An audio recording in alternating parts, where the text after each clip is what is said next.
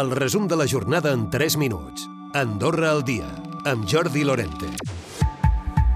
Nova línia regular des de l'aeroport d'Andorra a la Seu. És a Palma i s'espera que sigui operativa ja aquesta temporada d'hivern.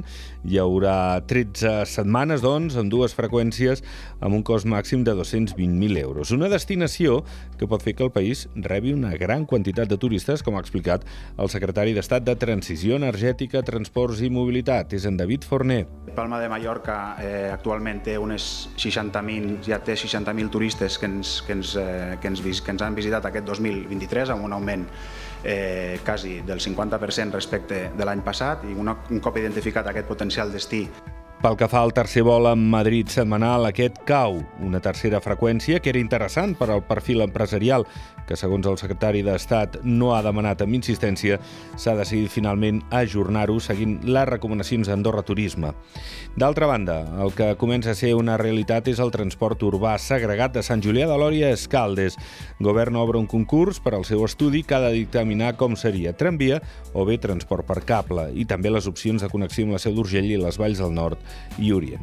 I la ministra Conxita Marsol ha avançat que es mantindrà la congelació dels lloguers un any més, tot plegat a causa fonamentalment de l'alta inflació. Hi haurà alguna sorpresa de com s'aplicarà d'aquesta descongelació, però el que està clar, i sí que ja ho puc avançar perquè penso que ja, ja s'ha dit, que hi haurà una pròrroga. Això està clar que un any més tothom pot estar tranquil que hi haurà pròrroga. En les conferències del Work on Andorra d'aquest dimecres l'economia ha estat molt present.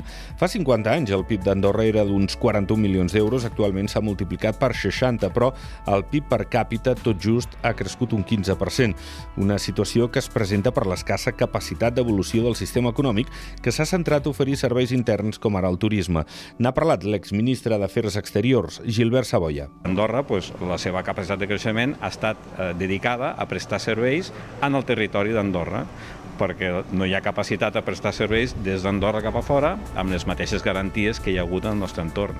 I aquest dimecres s'ha complert el cinquè dia de guerra cruenta a l'Orient Mitjà. Qui va sentir de prop l'impacte de les primeres bombes va ser la Lea. És una ciutadana andorrana que viu en un barri al sud de la capital, a Tel Aviv.